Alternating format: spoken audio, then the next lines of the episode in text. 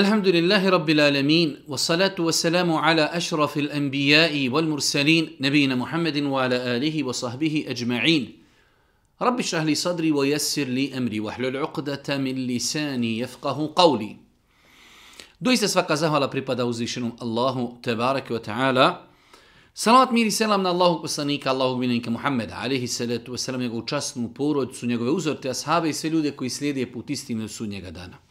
Uvažna vraćaju, i poštovani sestre, uvaženi gledatelji, evo nas u još jednu emisiju u kojoj se družimo sa vašim pitanjima i vašim dilemama. Ovo je naša 99. emisija ako smo dobro brojali.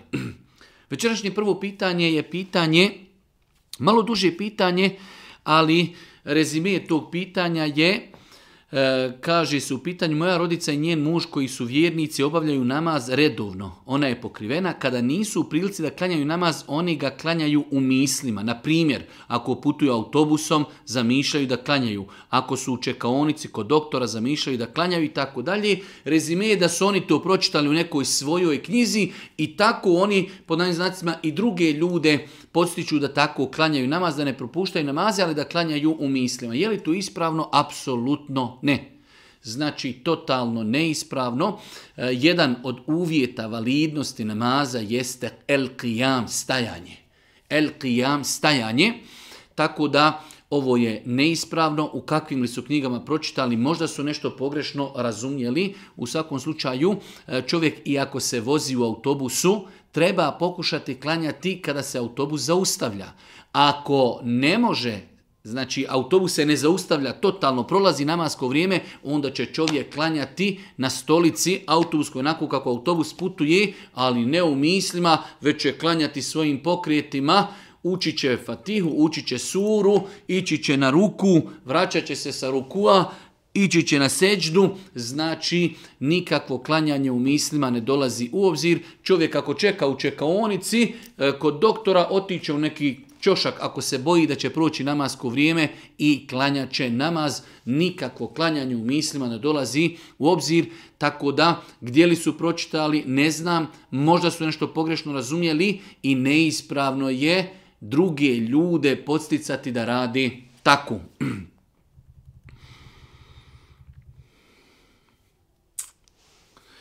Drugo pitanje, ja sam pokrivena od aprila mjeseca.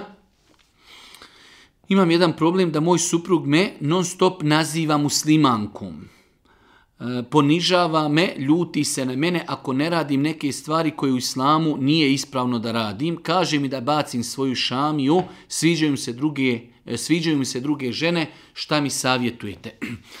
U svakom slučaju, to su ti naši svakodnevni problemi gdje imamo osobe da se vrate vjeri, ali drugi supružnik to ne podržava. Ja ne želim sada ovdje da govorim e, baš o propisu gdje bi trebalo detaljno govoriti e, koliko taj čovjek u osnovi je musliman. Ali ako je musliman i ako ima pri sebi, e, da kažemo, islama, u pogledu namaza, teravije, džume, bajrama, kurbana i tako dalje, onda sa takvim insanom treba osaburati i treba ga na lijep način savjetovati. Znači ove greške da ženu prosi, proziva ti si muslimanka, ljuti se na nju što ne radi određene stvari, Čovjek treba da bude ponosan što njegova žena nosi mahramu, treba da bude ponosan što ne čini ono što je zabranjeno, ali nažalost mi živimo u takvom vremenu kada u datom momentu uzvišen Allah da uputu određenoj osobi, a drugi supružnik ne razumije šta se može u takvoj situaciji ako je ta osoba još u nekim velikim granicama Islama, treba saburati, treba na lijep način pojasniti, treba na lijep način svojim postupcima prezentirati islam. To je ono što čovjek može uraditi u datom momentu. Treće pitanje, ja i muž smo se rastali zbog njegovog bluda.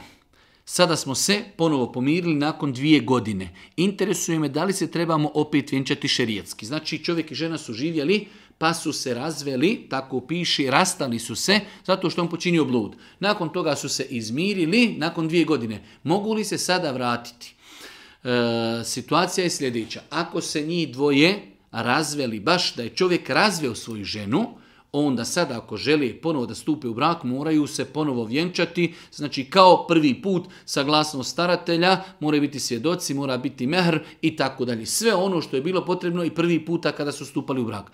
Ako su samo se razdvojili jedno od drugog, naljutili se, i, a znaju se desiti takvi slučajevi gdje čovjek nije razveo ženu, ali jednostavno ona otišla svojima, on ide svojima i tako žive, dopisuju se, žive par godina, svađaju se. U takvoj situaciji onda samo mogu nastaviti zajedno živjeti. Znači, pitanje, pošto nije ovdje definisano, kako i na koji način su se razišli. Ako je čovjek razveo ženu i rekao razvodim te, talaknuta si, razvedena si i nakon toga prošla su tri mjeseca njenog pričeka, nakon toga ovdje je prošlo dvije godine, oni ako ponovo želi stupiti u brak, moraju ponovo sklopiti bračni ugovor kao da se prvi put uzimaju. Ako nije došlo do razvoda braka, već se njih dvoje samo razišli, ohladili, ona otišla živjeti na jednu adresu, on živio na drugoj adresi, a nije razveo, onda je dovoljno samo da se jedno drugome vrati. Četvrto pitanje, da li treba da se uzima abdes kada se uči ezan? Ezan je ibadet i ezan je zikr. Veličanje Allaha te barke svakako da je pohvalno i lijepo da čovjek prilikom učenja ezana bude pod abdestom. Ali, je li to uvjet? Nije. Znači, može se desiti e, da je nastupio, nastupilo namasko vrijeme. zino je vrijeme da uči ezan, a nije pod abdestom. On može proučiti ezan, da ljudi znaju da je nastupilo namasko vrijeme, nakon toga otići u abdestanu, uzeti abdest i onda zajedno što mogne klanjati sunneta, što ne može klanjati sa ljudima u džematu. Znači, lijepo i pohvalno da prilikom učenja ezana bude pod abdestom. Ali isto tako, to nije uvjet validnosti ezana. Ako bi bilo potrebi, čovjek bi mogao proučiti ezan bez abdesta. Čak su kazali islamski učenjaci kada bi bila potreba da je čovjek u džunup stanju. Vi u arapskom svijetu imate situaciju da nekada od ezana do ikameta bude i pola sata, pogotovo kada je u pitanju sabah ili ikindija, tako da bi se moglo desiti i to je ulema dozvolila da čovjek u džunup stanju dođe, prouči ezan, ode kući, okupa se i opet stigne da sa ljudima klanja sunnete i da klanja farze. Generalno rezime, da li moramo imati abdest kada učimo ezan, lijepo je i pohvalno imati e, abdest prilikom učenja ezana. Ali ako bi bila potreba da čovjek uči ezan bez abdesta, njegov ezan je ako Bog da ispravan. Esalamu alaikum, kako postupiti sa familijom, užom, koja ne želi kontakt s tobom samo zato što nosiš hijab i zato što si uvjeri?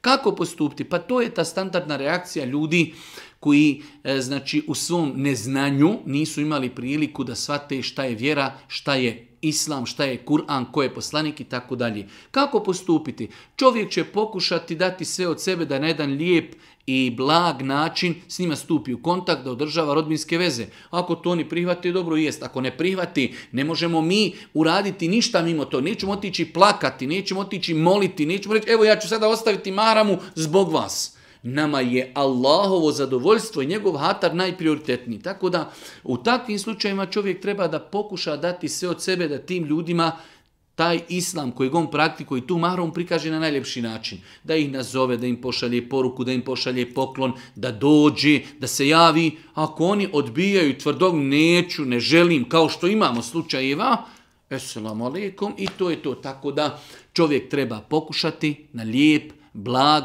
mudar način da sa njima održava rodbinske veze. Ako to oni prihvati, dobro i jest. Ako ne prihvati, mi nećemo dati svoju vjeru ni zbog koga na planeti, svakako da ćemo ostati privrženi vjeri, a oni ako nekada skontaju da su pogriješili, dobro jest. Ako ne skontaju, čovjek u toj situaciji nije griješan što nije održavao s njima rodbinske veze. Šesto pitanje. E, Naime, imam polu sestre koje su male i daleko od mene. U svakom slučaju, kaže, moj otac je bio loš prema meni i mojoj majci koja, se nažalost, koja je nažalost izvršila samoubistvo zbog njega. Nakon toga se oženio, zasnovao je porodicu i tako dalje. Znači, čovjek pita koliko mu je obaveza da pazi i održava rodbinske veze sa svojim sestrama po ocu. Znači, kod nas je ustaljen taj termin polusestra koji možda malo i bolje izbjegavati, bolje je kazati sestra po ocu. Znači, čovjek je imao suprugu i dijete, pa se ta supruga ubila zbog njegove torture, pa se oženio i sa tom drugom ženom dobio dvije djevojčice, iz prvog braka ima sina.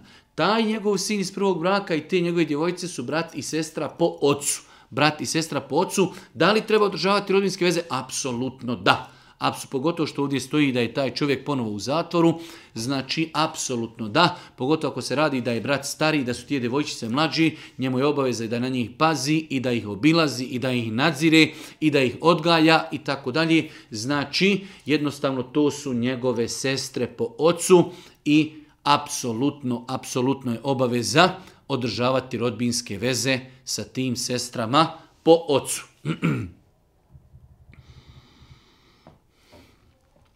Moji roditelji meni govore da sam vehabija i da sam budala, da izigravam budalu, što sam počeo nositi kratke hlače iznad članaka i što želim da pustim bradu. Šta mi savjetujete i tako dalje. U svakom slučaju, opet je to pokazatelj neznanja tih ljudi. Znači, nažalost, mnoge porodce mogu tolerisati svome djetetu drogu, nargilu, blud, alkohol, duhan, nemoral, sve je tu u redu. Dijete počne puštati bradu, zavrne nogavice, ode u neku tamo nepostojeću sektu. Nažalost, to je neznanje. Ljudi su pod pritiskom medija. Jednostavno, tako mediji, oni to žele kreirati da pridržavanje za islam znači biti nazadan, znači biti e, ekstreman i tako dalje. Šta čovjek u takvim situacijama treba da radi? Treba da bude blag, treba da bude mudar, treba da im na lijep način pokušava pokazati, dokazati. Treba svojim postupcima da priča mnogo više nego riječima da im dokaži i pokaže da je se promijenio na bolje, da im otvoreno kaže bili bili zadovoljni da sam u zatvoru, bili bili zadovoljni da sam u da se drogiram, da ljudima kradem, da idem u kladionice, da sam kriminalac, niko mi ništa govorio o nebi a kada sam krenuo u džamiju, kada hoću da pustim radu, da slijedim sunnet Božijeg poslanika, ali se letu kada želim da skratim svoje hlače samo zato što ne želim da mi e, tijelo gori u džehennemu, kako je rekao Boži poslanik, ali se letu selam, ljudi to ne razumiju. Ostaje da im čovjek na blag i mudar način pojasni mnogo više dijelima nego pričom. Imam jednog malog mačića koji mi je u kući i on uradi nuždu na mjestima gdje ne bi trebao. Da li može da insan nagrajiši na mači urin ili mokraću. Ovdje je po meni mnogo prioritetnije postaviti pitanje, jer prema stavu islamskog učenjaka neđaset, e, mokraća i izmet mačke su nečisti. Neđaset su. I vjernik treba da pazi, ako već želi da ima kućnog ljubimca, onda treba da pazi da bude svjestan da to nosi sa sobom jedan veliki izazov, a to je muslimanska kuća treba da bude čista, kuća, gdje se e, uči, gdje se čita, gdje se klanja namaz i tako dalje. Samim tim velika je obaveza vjernicima ako već želi da imaju kućne ljubimce, one koji su dozvoljeni kao što je ptica, kao što je e, maca i tako dalje, onda moraju paziti na higijenu svoje kuće zbog namaza. A tek nakon toga dolazi da li može čovjek da ograjši, čovjek treba da e, uči zikrove, e, znači i sa tim nečistoćama i bez tih nečistoća, iako Bog da tomu neće smetati, ali mnogo prioritetnije da pazi na nečistoću, znači i na mokraću, urin i na izmet mačke, pošto je to nečisto i čovjek može na taj način dovoditi svoj namaz u pitanje. Već duže vrijeme želim da pišem o jednom problemu, naime radi se o glasnoći učenja u namazu dok klanjamo za imamom. Braća daju sebi za pravo da uče poluglasno, da ga ja sasvim normalno čujem šta uči i time me ometa u namazu. U svakom slučaju jedna sigurno lijepa, ajde da kažemo, e, inicijativa da se progovori na temu da ljudi doista veoma često u namazu, u namazu, u safu, ometaju druge ljude svojim učenjem. Oni imaju neku naviku da uče poluglasno, do te mjere da dvojica, trojica ljudi lijevo i dvojica, trojica ljudi desno, lijevo i desno, čuju njega šta on uči na podne, na ikindi, na trećim, na četvrtom rekiatu i tako dalje, tako da e, čovjek vjernik treba da se toga pazi jer na taj način uznemirava i dekoncentriše druge vjernike. Kaže Allah poslanik ali se letu sramu hadisu koji imam Davud, a hadis je vjerodostojan, doista svako od vas doziva svoga, doziva svoga gospodara. Ne uznemiravajte jedni drugi, i ne podižite glas prilikom učenja Kur'ana ili ne uznemiravajte jedni druge u namazu. Znači jasno, Boži poslanik ali se ratu sam bio je u itikafu, jer ovaj hadis se kaže Allah poslanik bio je u džamiju u itikafu. Čuvši neke ljude kako glasno uče u namazu, otkrio je zastor i kazao. Znači Boži poslanik je čuo da ljudi u džamiji uče Kur'an, ovo je dokaz da čovjek i bade to može druge ljude uznemiravati, da je to zabranjeno. Mi nekada dođeš u džamiju, a u džamiji se uči Kur'an na, na razglas. I kao to je naše pravo da mi učimo Kur'an na razglas, a vi koji dođete sjedite i šute. Nije tačno. U džamiju kada se dođe svako ima pravo da klanja i niko nema pravo da ga uznemirava. Pa pogledajte, jasan hadis za Boži poslanik kaže nemojte jedni drugi učenjem Kur'ana uznemiravati i čak u namazu. Tako da vjernik e, treba da se boji Boga i da ne potpadne pod ovu zabranu Božijeg poslanika ali se ratu da se malo preispita kada je u pitanju podni namaz i kindija namaz, treći, četiri rekiat, znači kada imam ne uči naglas, čovjeku je dovoljno da uči toliko da sam sebe čuje. A može se učiti u namazu da čujemo sami sebe, a da nas ne čuje onaj koji je do nas. Znači da mi čujemo samo usta, usne, jezik, i da toliko u sebi učimo da čujemo sami sebe. To je dovoljno da bude naš namaz ispravan. Trebamo se bojati Boga da ne budemo e, znači došli u džamiju da uradimo sevap, a mi idemo kući zaradili grijehe što smo druge ljude uznemiravali.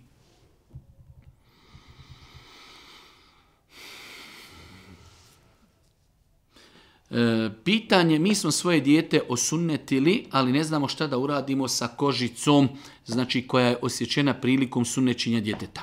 Generalno je pravilo da svaki dio koji se odsjeće od čovjekovog tijela, a znači e, odstrani se dio, amputira se, pa čak i e, nokte su islamski učenjaci smatrali da je to sastavni dio čovjekovog tijela i kosa, pa su kazali sve što se odsjeće od ljudskog tijela treba E, znači kao što se tijelo kada umre zakopa, isto tako treba znači i ove druge stvari ako bi se desilo da čovjeku amputiraju ne daj Bože ruku ili nogu ili prst ili nešto drugo takve stvari treba preuzeti od bolnice i zakopati. Tako i u ovom slučaju, bez obzira što je to nešto malehno i sitno, ta kožica koju, znači, e, doktor je prilikom sunećenja djeteta, tu kožicu treba uzeti i zakopati je, zakopati je u zemlju. isto pitanje, e, nedavno pročita da psovanje ne kvari abdest i to na više muslimanskih foruma, pa me interesuje vaše mišljenje o tomi.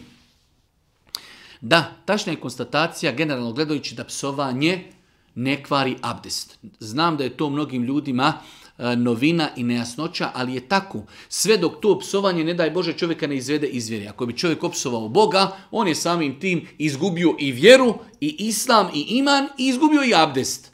Ali e, čovjek ako je u nas kod ljudi uzrečica čovjek sastavi B, je nešto znači da kažemo e, kao govorna navika, opsuje nešto, na taj način čovjek nije izgubio abdest. On jeste griješan. Kao što bi čovjek bio griješan, ukrao je nešto. Ima čovjek abdest i krenuo prema džami i ukrade. Da li izgubio abdest? Nije. Da li čovjek koji krenuo prema džami i stavi slušalce i sluša muziku, da li izgubio abdest? Nije. Je li griješan? Jeste. Griješan je što sluša muziku. Griješan je što je ukrao. Isto tako, znači u ovom slučaju čovjek koji opsuje, on je griješan. Ali nije izgubio, nije izgubio abdest zato što osnova je da ako nešto kažemo da kvari abdes moramo zato imati dokaz. Ne postoji dokaz da slušanje muzike ili, ne daj Bože, vulgaran govor ili psovka ili e, znači bilo koji grije da to, da to kvari abdest. Rekli smo sve dok čovjek, ne daj Bože, ne opsuje nešto što ga izvodi iz vjeri. U protivnom, psovka sama po sebi ne kvari abdest. Ovo nikako nije odobravanje psovke, psovka je zabranjena i čovjek će zbog toga biti griješan, ali mi govorimo sa aspekta propisa čovjek je pod abdestom krenuo u džamiju i opsuvo nešto. Ili izgubio abdest? Nije. Njegov abdest je validan. Jedno malo duže pitanje e, gdje je čovjek naveo situaciju, ja ne želim da spominjem imena, uglavnom kaže ja se zovem tako i tako. 2012. E, sam imao neke probleme, otišao sam kod Efendije tog i tog, koji je bio tada i tada imam u toj i toj džami, učio mi je rukju i na kraju mi je kazao da treba da mi promijenu ime. Od tada me prate uroci i neki problemi i tako dalje. U svakom slučaju, e, da li je tačno da čovjek koji ima problema sa džinima i šitima treba promijeniti ime? Ovo je za mene prvi put u životi, u historiji, e, znači e, moje naobrazbe da sam čuo da čovjekovo ime koje muslimansko more može imati e, veze sa sihrom i kao rješenje tog sihra jeste da čovjek e, sebi zamijeni ime, što nema znači nikakvog utemeljenja. Čovjek koji ima problema sa džinima i sa crnom magijom ili sihrima, urokom, to treba rješavati učenjem korana, učenjem ruke, e, konzumiranjem zemzema, čorekuta, meda i svih ti neki ljekovitih stvari, ali mijenjati ime, s ciljem da se popravi čovjekovo stanje, nikada u životu to nisam čuo. Allah poslanik alaihi salatu wasalam naređivao ljudima da promijenu ime onda kada bi to ime imalo loše značenje. To je jedina situacija kada je Allah poslanik se salatu naređivao ljudima da promijenu svoje ime onda kada bi to ime u arapskom jeziku imalo loše značenje. U protivnom, Allah poslanik nije vezivao imena ljudi sa džinsko-šeitanskim djelovanjem. 13. pitanje. Je li haram jesti goveđi gulaš? Živim u Njemačkoj, puno ljudi ih koristi. Kažu da nema svinjetine. Hvala na odgovoru. E, pogledajte, dosta puta velik broj ljudi u našoj državi smatra da svako meso Bitno je samo da nije svinjetina, svako meso, e, e, znači da kažemo junetina, teletina i tako da sve to halal. Ne, to je netačno. Meso ako nije zaklano na halal šerijatski ispravan način, ono je na istom stepenu kao i svinjetina. Kao što je zabranjena svinjetina, isto tako može biti zabranjena i teletina i govedina ako je pikovana, ako je ubijena, ako nije zaklana kako je naredio islam i islamski principi. Ovo je jedna velika nepoznanica. Kod nas ljudi smatraju kako god da se, znači, e, uvoz dolazi nam, ne znam, nija iz Brazila, dolazi ovda, dolazi onda meso, samo je li junetina jeste, je li govedina jeste, to je halal. Ne, to je netačno meso da bi bilo halal mora da se zakolje na islamski način, po islamskim principima, u protivnom i teletina i govedina može biti mrljina i može biti zabranjena kao što je zabranjen, zabranjena i svinjetina. Tako da nije dovoljno samo kažemo ovo je narezak ili ovo je goveđi gulaš, eto nije svinjetina pa ćemo mi to jesti. Mora biti neka islamska institucija koja je stala iza toga i kazala to je ispravno. To ima neki halal certifikat i tako dalje. Ali samo to da je goveđi, to nije dovoljno da čovjek to konzumira. da li je u islamu zabranjeno i haram Znači novac zarada ukoliko se zarađuje prodajom i preprodajom auta, kupiti jedno auto pa ga preprodati. Nema nikakve smetnje da čovjek se bavi preprodajom auta, kupi auto, opravi ga, popravi ga, sredi i preproda ili kupi pa proda da ga nije ništa popravljao. Znači jednostavno e, mnogo ljudi živi na takav način i to je halal i dopušten biznis. Auto je, znači osnova korištenja auta jeste da je to halal. To što će možda neko kupiti auto pa će otići s tim autom u kafanu ili otići e, negdje u birtiju, to je nešto drugo, ali osnova je da je auto e, tehnologija i olakšica i predmet koji se koristi, znači e, u osnovi na halal dopušten način samim time vjerniku je dozvoljeno se bavi trgovinom auta, da kupuje, prodaje i na tome zarađuje.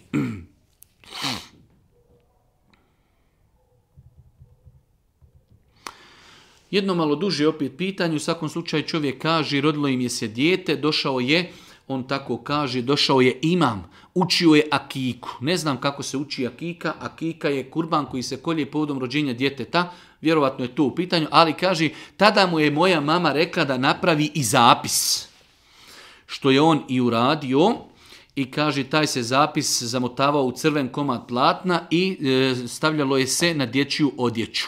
Sada sam se sjetio da i mi imamo taj zapis, šta uraditi u svemu tome, e, pravljenje bilo kakvih zapisa koje se e, kači i vješaju na djecu je haram i strogo zabranjeno u islamu. Tako da neko ako ima bilo kakav crveni končić ili zapis ili, ili bilo šta što se kači na insana s ciljem čuvanja insana od uroka ili čuvanja insana od, od sihra ili, ili bilo čega drugog, to je strogo, strogo zabranjeno u islamu. Jasni hadisi Božih poslanika, ali se letu selam, to zabranjuju, tako da e, vjernik, ako već se desilo, je to neko uradio, konac skinuti, zapaliti, zapis skinuti, zapaliti i znači nastaviti živjeti kao da se ništa nije desilo. Eselamu alaikum, čuo sam da je musliman dužan ubiti potpuno crnog psa bez jedne bijele dlake. Da li je to istina? Da li je istina da je muslimanu obaveza ubiti crnog psa? E, kad su u pitanju psi, generalno u islamu, znači postoji jedno dugo, dugo, duga priča i govor uvezano za pse. Na početku islama Allah poslanik ali se letu selam naređivao je ubijanje pasa. Nakon toga, po mišljenju velikog broja islamskih učenjaka, Allah poslanik je dokinut je taj propis ubijanje pasa. Ostala je, ostala je zabra, ostala je naredba da se ubije pas koji je podivljao i koji napada i ugriza ljude. To je ostala je znači naredba da ako ima pas koji uznemirava, to se na arapskom kaže kelbun akur, onaj koji grize, ujeda, podivljao, uznemirava ljude, u takvoj situaciji čovjeku je dozvoljeno da ubije psa. U pogledu crnog psa, e, znači postoji razilaženje da li crni pas je e, isto tako naredba za ubijanje crnog psa, da li je derogirana ili ne. Znači postoji jako razilaženje. Ima učenjaka koji su kazali da bilo je naređeno i da se ubija crni pas pa je to derogirano. Dio učenjaka je kazao da to nije derogirano, već da je i danas ostala naredba uzbijanje crnog psa. Ali ostaje odgovor. Ovdje je pitanje, kaže, je li mi dužnost? E, prva stvar, čovjek e, treba da zna da ne može ubijati tuđeg psa. Druga stvar, E, shodno zakonima države u kojoj se čovjek nalazi. Ako država zabranjuje da se ubijaju psi, čovjek može zbog toga imati problema, čovjek neće biti griješan.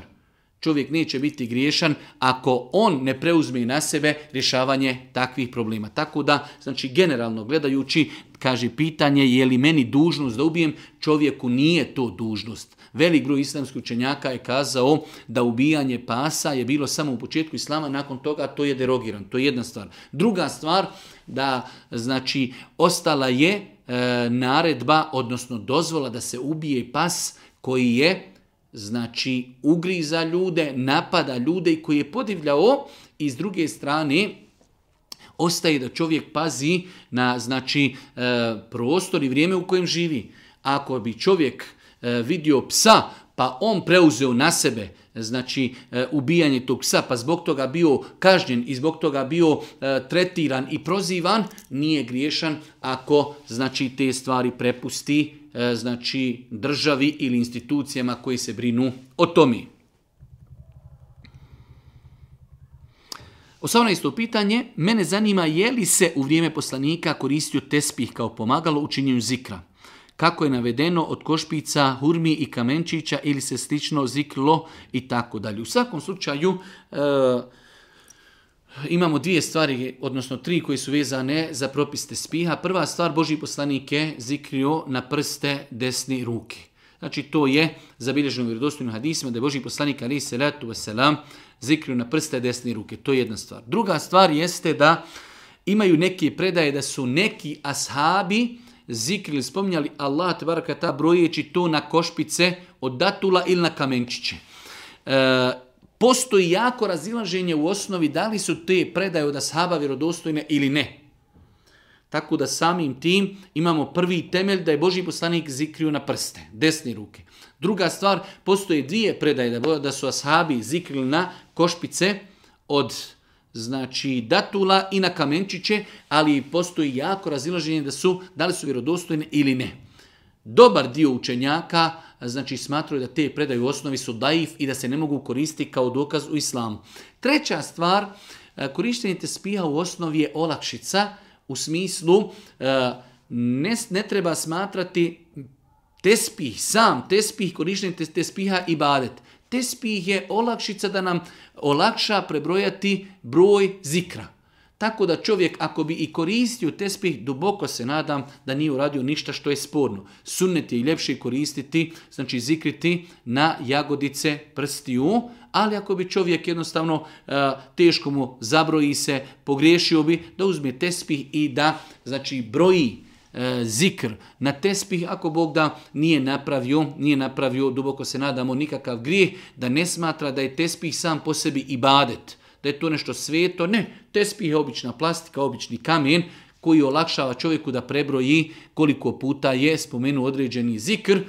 Ako tako pristupimo Tespihu, ako Bog da, duboko se nadamo da nismo griješni, ali opet kažemo bolje je i bliže je sunnetu da zikr koji govorimo brojimo na prste desne ruke.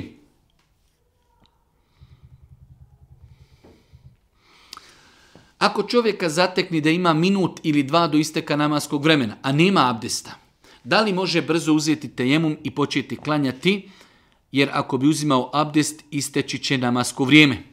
Jedno interesantno pitanje, znači ovo opet po slučaju da čovjek se baš vodi vaktijom, ako bi rekli da je namasko vrijeme e, i Kindija nastupa u tri tačno, a čovjek ima još dvije minute do tri, e, ako bi otišao abdestiti, namasko vrijeme će isteći. Ako bi uzeo samo tejemum za 10 sekundi, tejemum može uzeti i počeo klanjati, stigao bi da klanja jedan rekiat podne namaza prije nego što zauči jezan za ikindiju. Šta će u takvoj situaciji uraditi? Poprilično teško pitanje. E, Ših ibn Baz, rahmetullahi alihi, u ovakvoj situaciji kaže ovakva osoba može biti u dvije situacije, u jednoj od dvije situacije ili da je osoba koja se probudila. Čovjek je spavao i probudio se, ostalo još dvije minute do ezana. Takva osoba, jer je Boži poslanik Ali se sram kazao kada insan zaboravi namaz ili kada prespava namaz, zaboravi ili prespava, on će ga klanjati onda kada se sjeti. Takva osoba će otići abdestiti i klanjat će namaz, makar namasko vrijeme i prošlo. Znači, ako nam je ostalo malo vremena od namaskog vremena, gledamo je li čovjek tek ustao i je li bio zaboravio na namaz. Ako je tek ustao ili je bio zaboravio na namaz, mi ćemo kazati idi uzmi abdest i klanjaj, makar ezan zaučio. Ali ako čovjek kaži, ne, ja sam bio svjestan, ali eto jednostavno u svom gafletu i nemaru ja sam odgađao namaz sve do ove zadnje dvije minute. Takvoj osobi u osnovi nije dozvoljeno da dopusti da prođe namasko vrijeme. U takvoj situaciji čovjek će uzeti tejemum kako bi uspio klanjati makar jedan rekat prije nego što ezan zauči. Znači ponavljamo, malo je poteško pitanje, kompleksno, situacija ako bi čovjek ostalo minut, dva ili tri do ezana narednog namaskog vremena, šta će uraditi? Mi kažemo, shodno govoru islamskog učenjaka, ako je čovjek prespavao ili zaboravio, tada ćemo mu kazati idi abdesti, požuri i počni klanjati namaz pa makar ezan zaučio. Ako je čovjek svjesno doveo sebe do isticanja namaskog vremena, on ne smije dozvoliti da prođe namasko vrijeme. Ovaj prvi nije dozvolio svjesno, on je bio zaboravio ili je prespavao. Ovaj drugi je svjesno to uradio, takvom kažemo ne smiješ dozvoliti da namasko vrijeme prođe, idi, uzmi tejemum za 10 sekundi, rukama udari zemlju, potari lice, potari ruke i odma Allahu Ekber počni klanjati da makar jedan rekiat stigneš dok za nije zaučio, svakako upotpuni nakon toga tri ostala rekiata.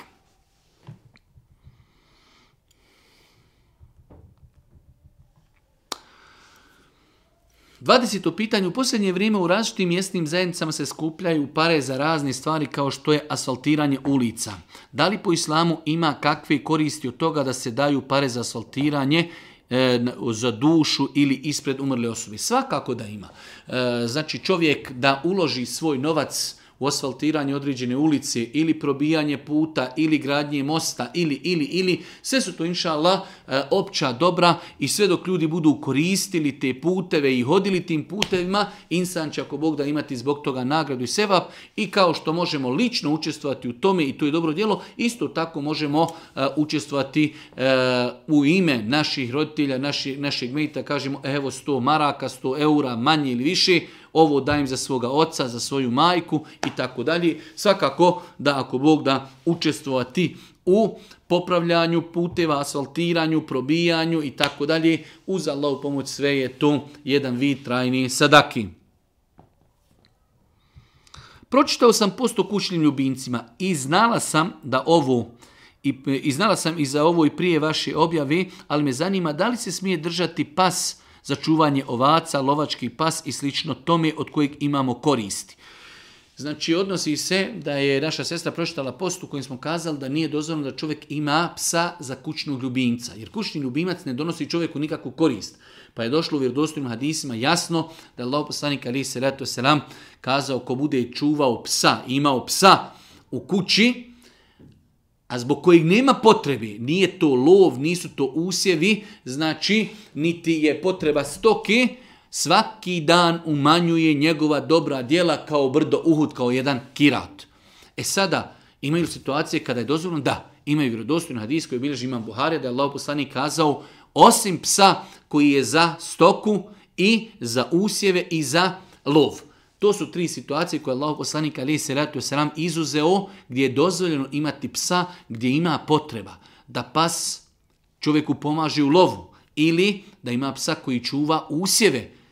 Koliko puta, znači znamo na selima koliko je potrebno eh, i koliko je korisno da psi čuvaju eh, od divlje svinje, od medvijeda, da ne dolazi u kukuruz i tako dalje.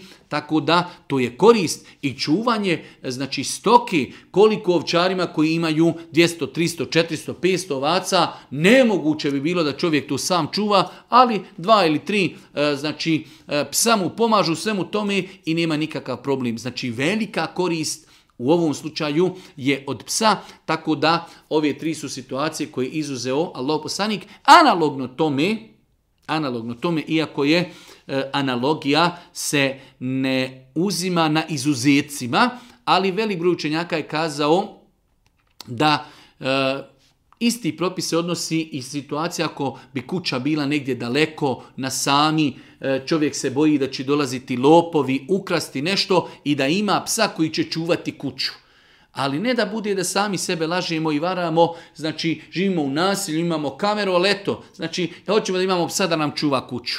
Znači, ako bi doista bila potreba ili možda pas koji je potreban e, slijepcu ili pas koji je potreban policiji, to su sve neke nužne potrebe, to su situacije kada je dozvoljeno imati psa, u protivnom imati samo psa kao kućnog ljubimca, to potpada pod strogu zabranu Božih poslanika, ali se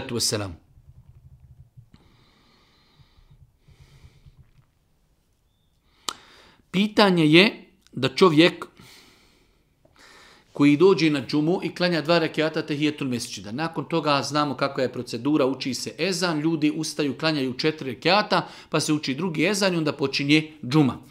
E, da li čovjek koji klanja u već tehijetul mesečid može, da ne bi samo on sjedio, svi ljudi oko njega ustali klanjati, da li može i on ustati i klanjati na filu? Može.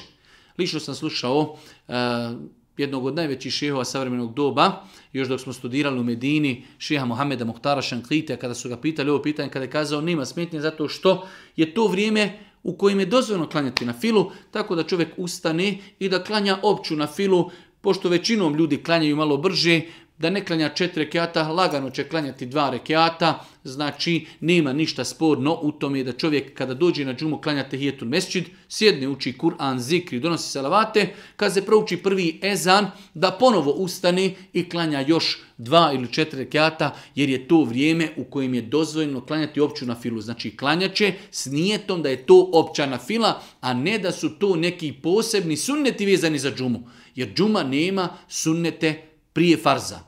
Džuma namaz, zapamtite, nema sunnete koji se klanjaju prije farza. Ono što se klanja jeste općana fila ili tehijetul mesđid. Jedno opet malo duže pitanje gdje jedna sestra kaže moj muž izlazi iz kuće i ne kazuje mi gdje ide i donosi odluke vezano za porodicu, a nikada mene ne pita. E sada njeno pitanje je li, jesam li ja griješna što tražim od njega da mi govori gdje ide i traži od njega da se sa njom konsultuje. E, žena, ne mislim da treba toliko na čovjeka vršiti pritisak. Jer nije čovjeku obaveza da kaže ženi gdje ide, niti mu je obaveza da je pita kada donosi odluku odluku koja se vezuje za njega i za porodcu. Drugo je odluka koja se vezuje za ženu. Ona će donositi za sebe odluku. Ali isto tako, njemu nije obaveza, ali je moralno i lijepo i to vodi harmoniju u braku da Čovjek svoje suprot kaže idem, vraću se za pol sata, idem, ostaću na konaku, doću za tri sata i tako dalje. I te kako je lijepo i moralno i sastavni dio lijepog obođenja prema ženi jeste da čovjek svojoj supruzi kaže gdje ide, isto tako da je konsultuje. Allah poslanik ali se letu selam i konsultovao i prihvatao je savjete svojih supruga u velikim krucijalnim pitanjima koji se tiču e, E, islama, islamske države, džihada, borbe i tako dalje, prihvatao je konsultovanje svojih supruga, pa ako je Boži poslanik konsultovao i pitao svoje supruge zašto to i mi danas ne bi radili. Tako da ne možemo kazati da je mužu to obaveza, ali je moralno i lijepo da se supružnici međusobno potpomažu, konsultuju, vode dijalog, da muž kaže ženi ide ode, obiću izvan kuće 3-5 sata, doću poslije i tako dalje. Sve je to sastavni dio lijepog obhođenja prema svojoj supruzi. Većina sapuna za kupanje ima alkohol u sebi. Da nam je dozvoljeno koristiti takve sapune? Doista prvi put čujem da većina sapuna u sebi ima alkohol, ali iako bi prihvatili činjenicu da e, u većini sapuna ima alkohola, Eh, ja sam lično stava da je alkohol u osnovi, u osnovi čist. Jer ashabi kada je Allah eh, zabranio, kada je došla zabrana eh, pijenja alkohola, ashabi su alkohol prosipali po medijinskim ulicama, da je alkohol bio zabranjen, nelogično je. I ne mogu nikako da privatim da bi ashabi izmet ili mokraću prosipali po e, ulicama Medini. Ako kažemo da je alkohol nečist, onda ispada da su oni neđaset prosipali po medinskim ulicama, što je daleko, daleko od e, edeba i ponašanja ashaba Allahu poslanika, ali se letu selam. Tako da, ja sam lično stava da alkohol sam po sebi nije nečist i samim time, ako i ima alkohola u sapunu, to nije razlog da mi ne možemo koristiti te sapune.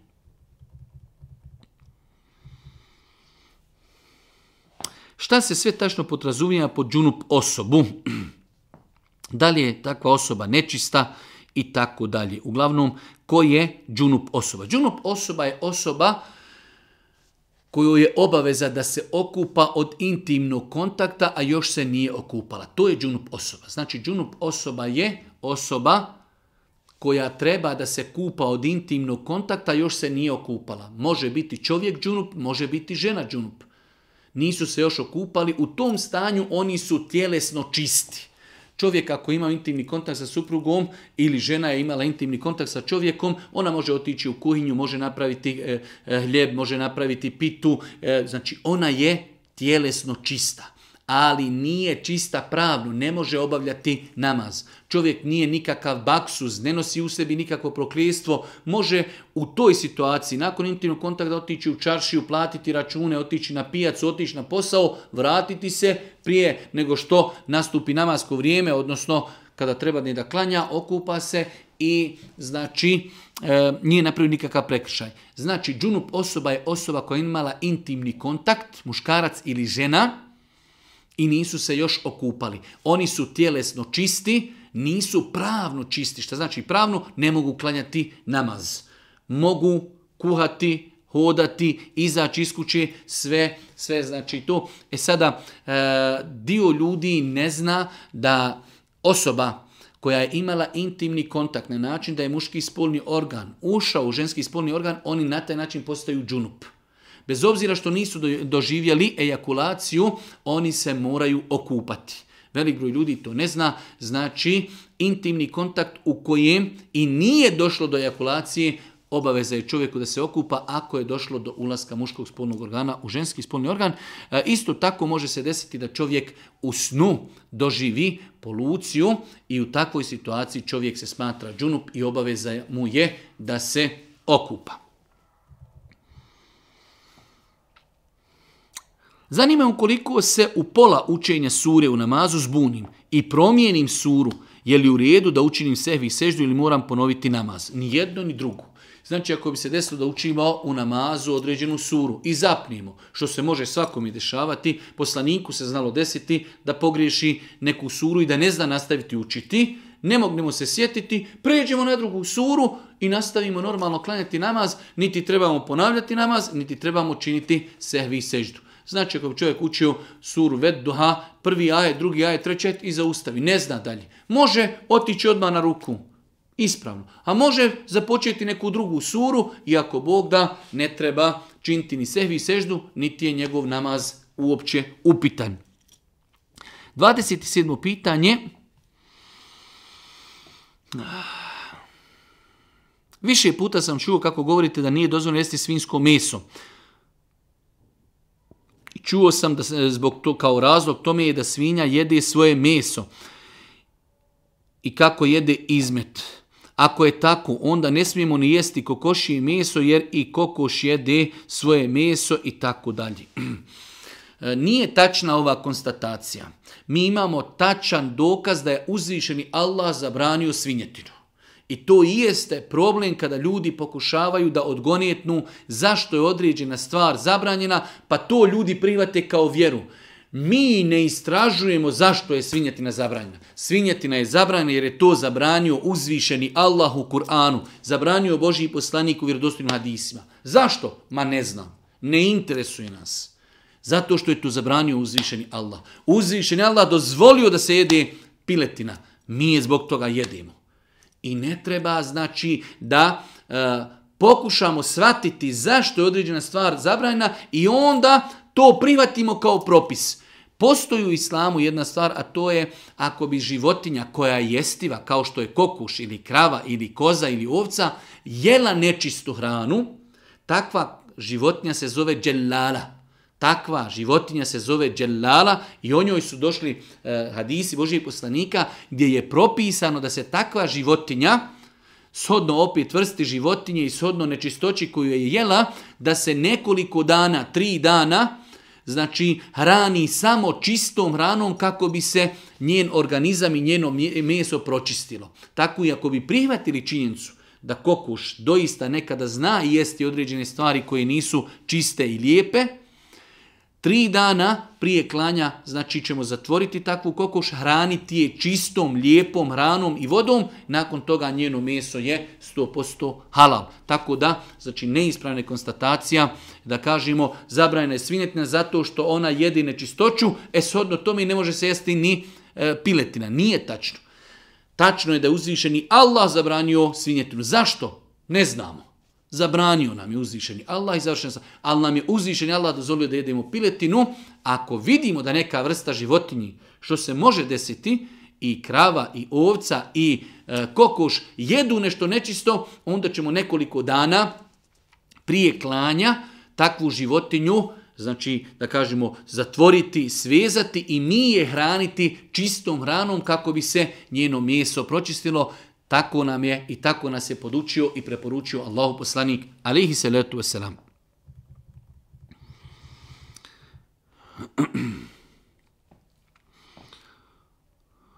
Da li se dio zekijata može uplatiti osobi koja, kojoj se sakuplja novac za liječenje operaciju? I da li se mora napomenuti da je taj novac od zekijata? E, ako osoba ne može sama sebi platiti liječenje, a liječenje je nužno. Znači imamo dvije klauzule.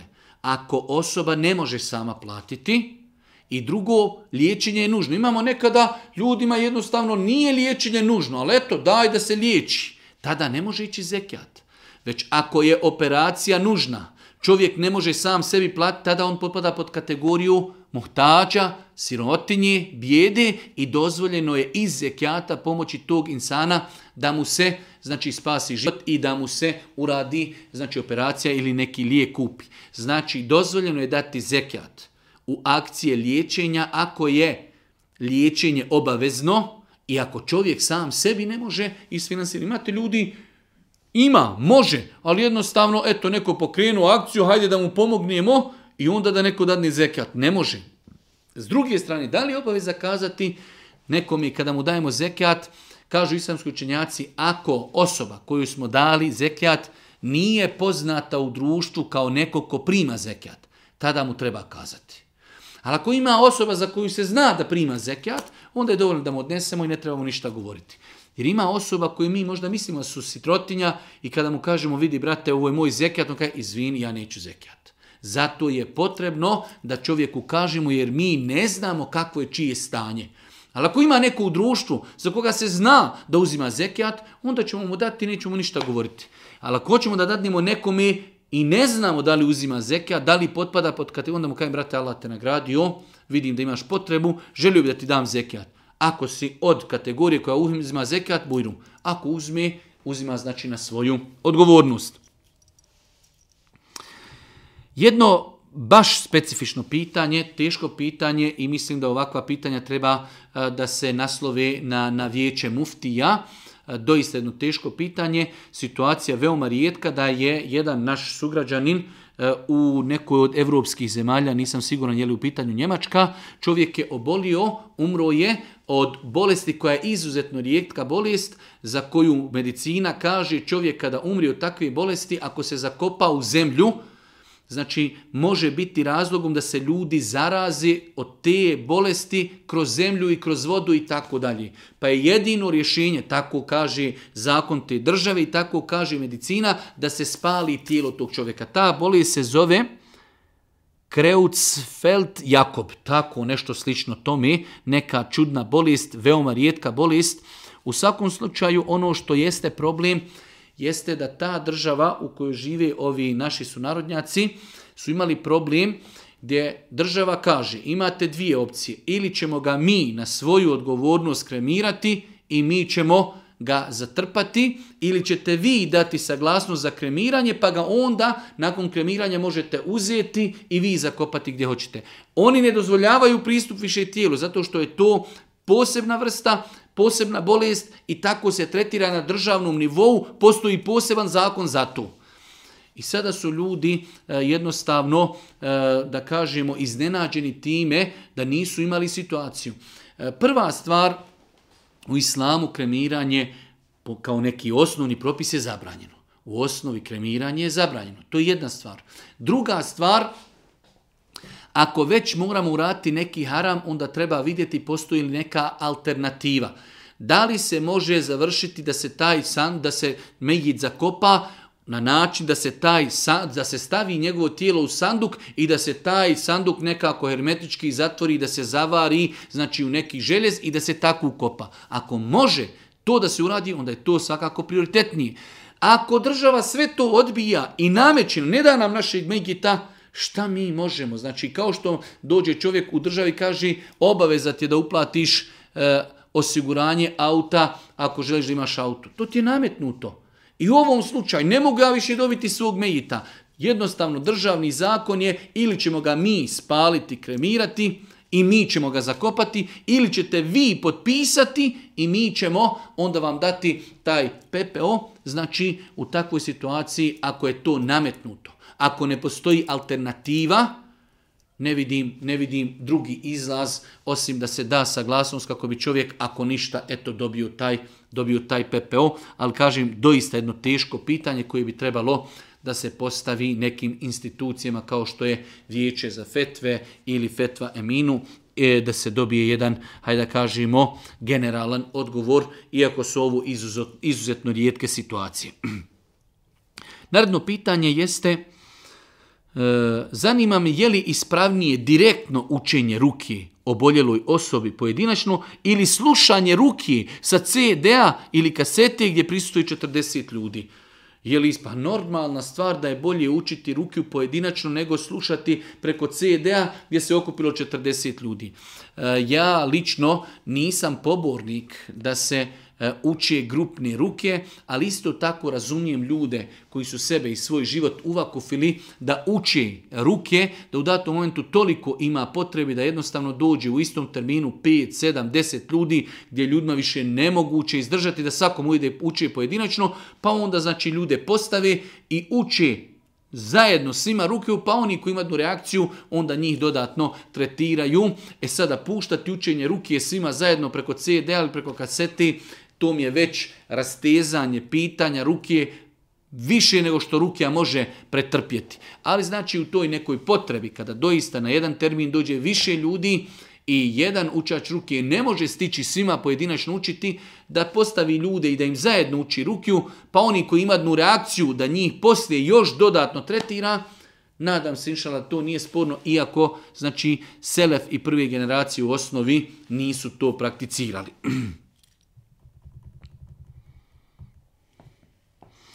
jedno duže pitanje, ali baš duže pitanje gdje se spominje e, naime da li postoji neko određeno pravilo koliko dugo traje uopšte ta famozna dnevnica. Je li ona 6 sati, 8 sati, 10 sati ili 12? Isto tako e, zanima me, pitanje je, pauza i namasko vrijeme u tim radnim satima, da li se to računa ili ne računa i tako dalje. I na kraju, da li je možda najbolje odrediti satnicu i pogoditi određen posao, pa da gazda nema brige kad radnik odlazi i dolazi i tako dalje. Pitanje je znači vezano šta u islamu, ima li u islamu da je definisan termin dnevnica.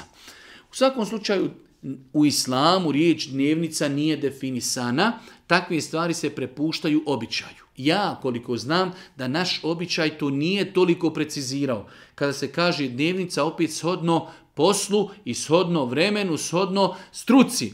Nekada je dnjemca da radiš od jutra do mraka, ali negdje je dnjemca 8 sati, negdje je 10, a negdje je 12. Ako imamo različite običaje, onda preostaje da to bude stvar dogovora. I zato smatram da ljudi, kako ne bi došlo do nesuglasica, nesporazuma, svađe, ja sam mislio ovo, kao što je spomenuto u pisanju, e, kaže u pitanju, ja mislim da je dnevnica 8, a gazda misli 12 sati i onda dođe do znači problema. Tako da je najbolje definisati ili pogoditi kompletan posao. Mi ćemo vam napraviti kuću za toliko para. Za koliko vremena nije to vaše.